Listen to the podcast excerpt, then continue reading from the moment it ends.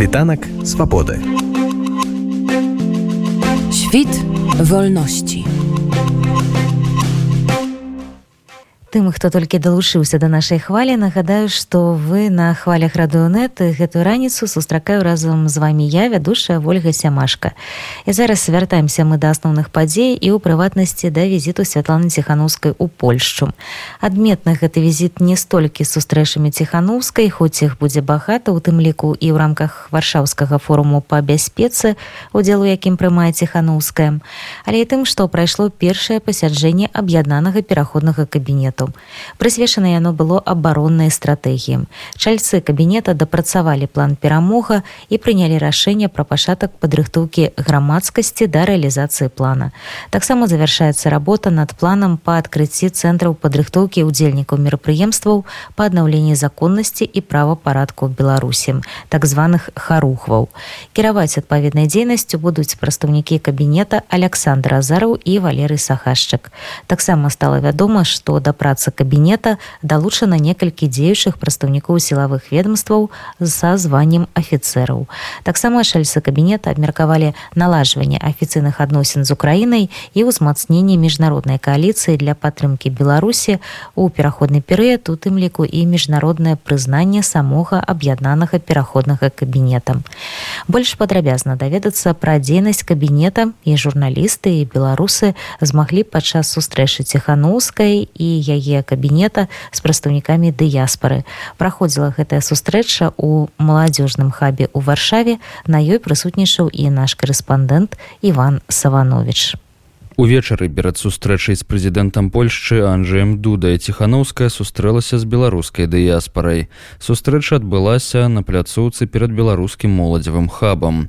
На жаль сустрэча была вельмі нядоўгай. Святлана ціханаўская выступила з кароткай прамовай у якой падзякавала прысутным беларусам і распавяла што кожны дзень ёй надае сіл і матывацыі песня муры пасля гэтага сустрэчу з беларусамі працягнулі сябры аб'яднанага пераходу пераходнага кабінета беларусі павел латушка валер кавалеўскі алина коўшык і александр азараў яны распавялі пра сваю працу ў межах пераходнага кабінета а таксама адказалі на некаторыя пытанні прысутных беларусаў Так, Александр Азараў больш падрабязна распавёў аб ініцыятыве стварэння беларускіх харугваў у Польшчы.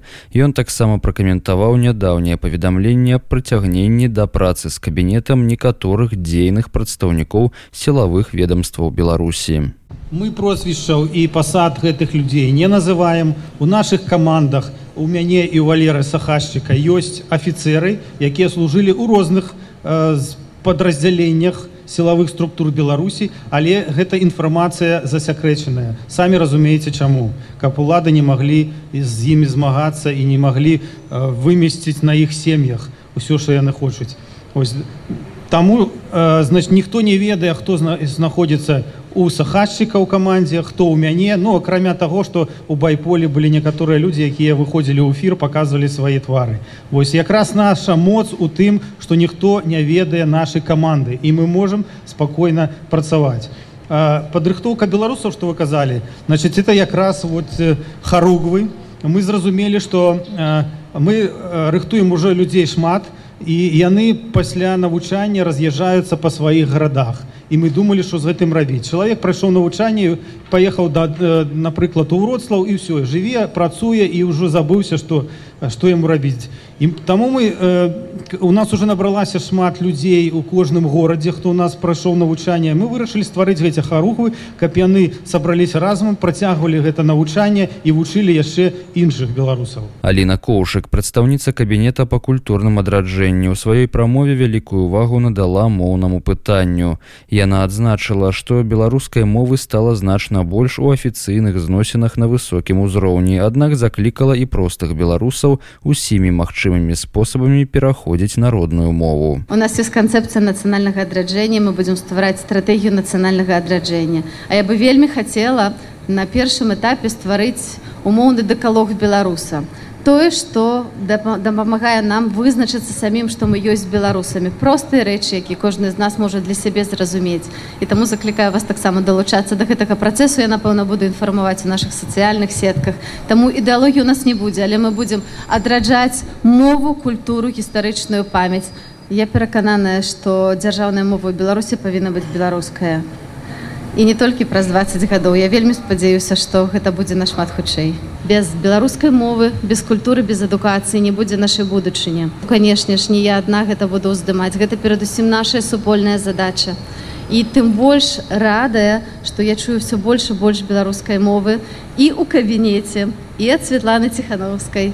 То бок на высокім афіцыйным узроўні пачынае гучаць беларуская мова. Але перадусім сярод вас пачынаць размаўляць па-беларуску можна. на нават з асобных словаў. Знайдзіце сваё любёнае. Можна пачаць пісаць пасты ў сваіх сацыяльных сетках.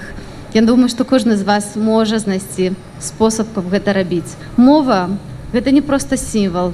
Гэта вызначнік нашай ідэнтычнасці. А таму не пакідайце мовы нашай беларускай.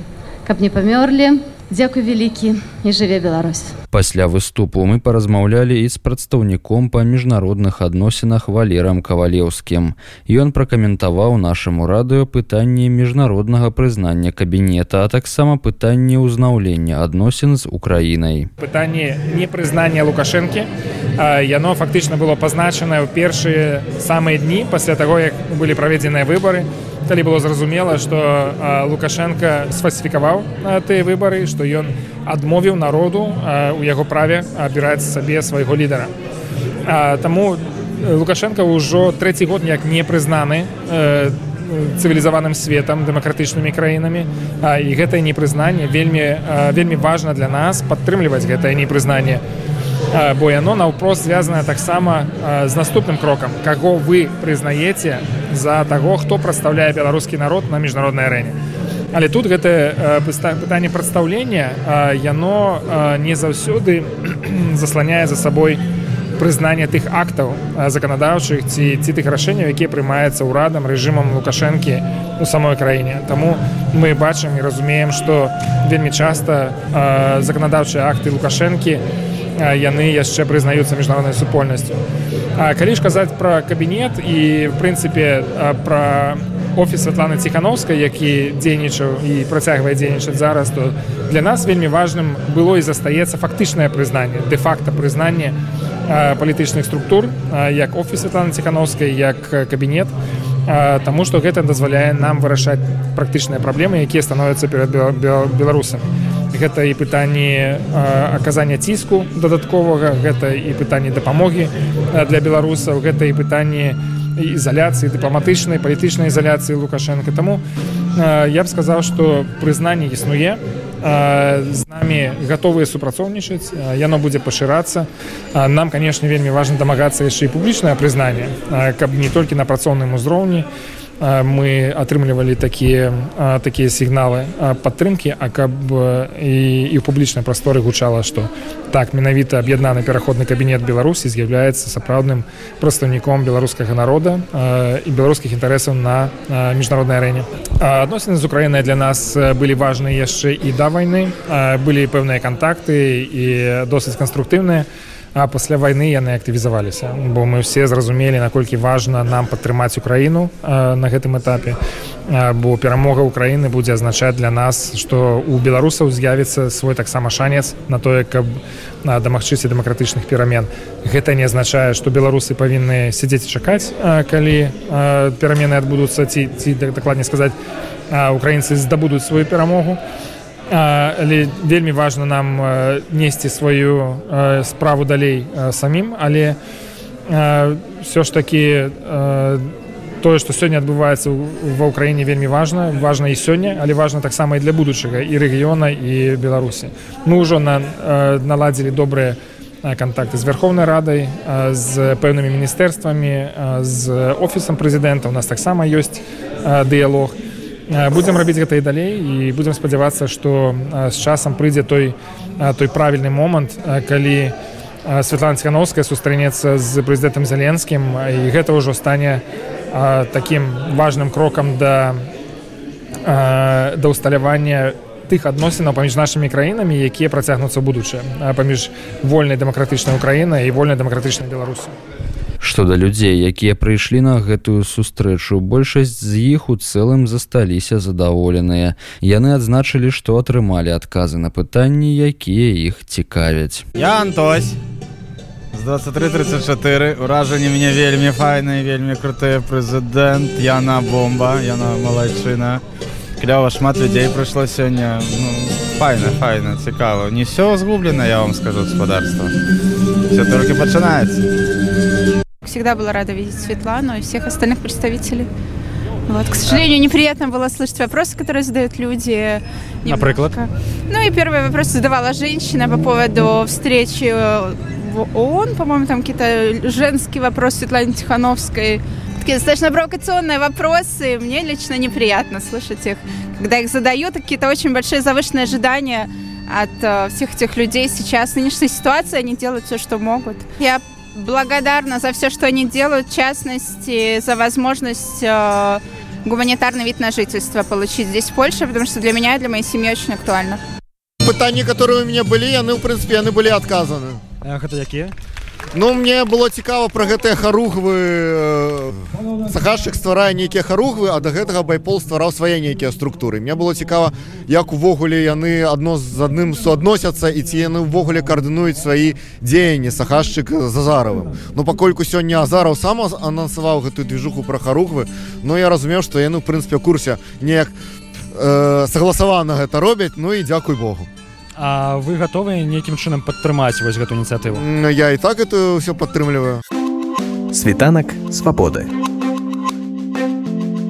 Świt wolności.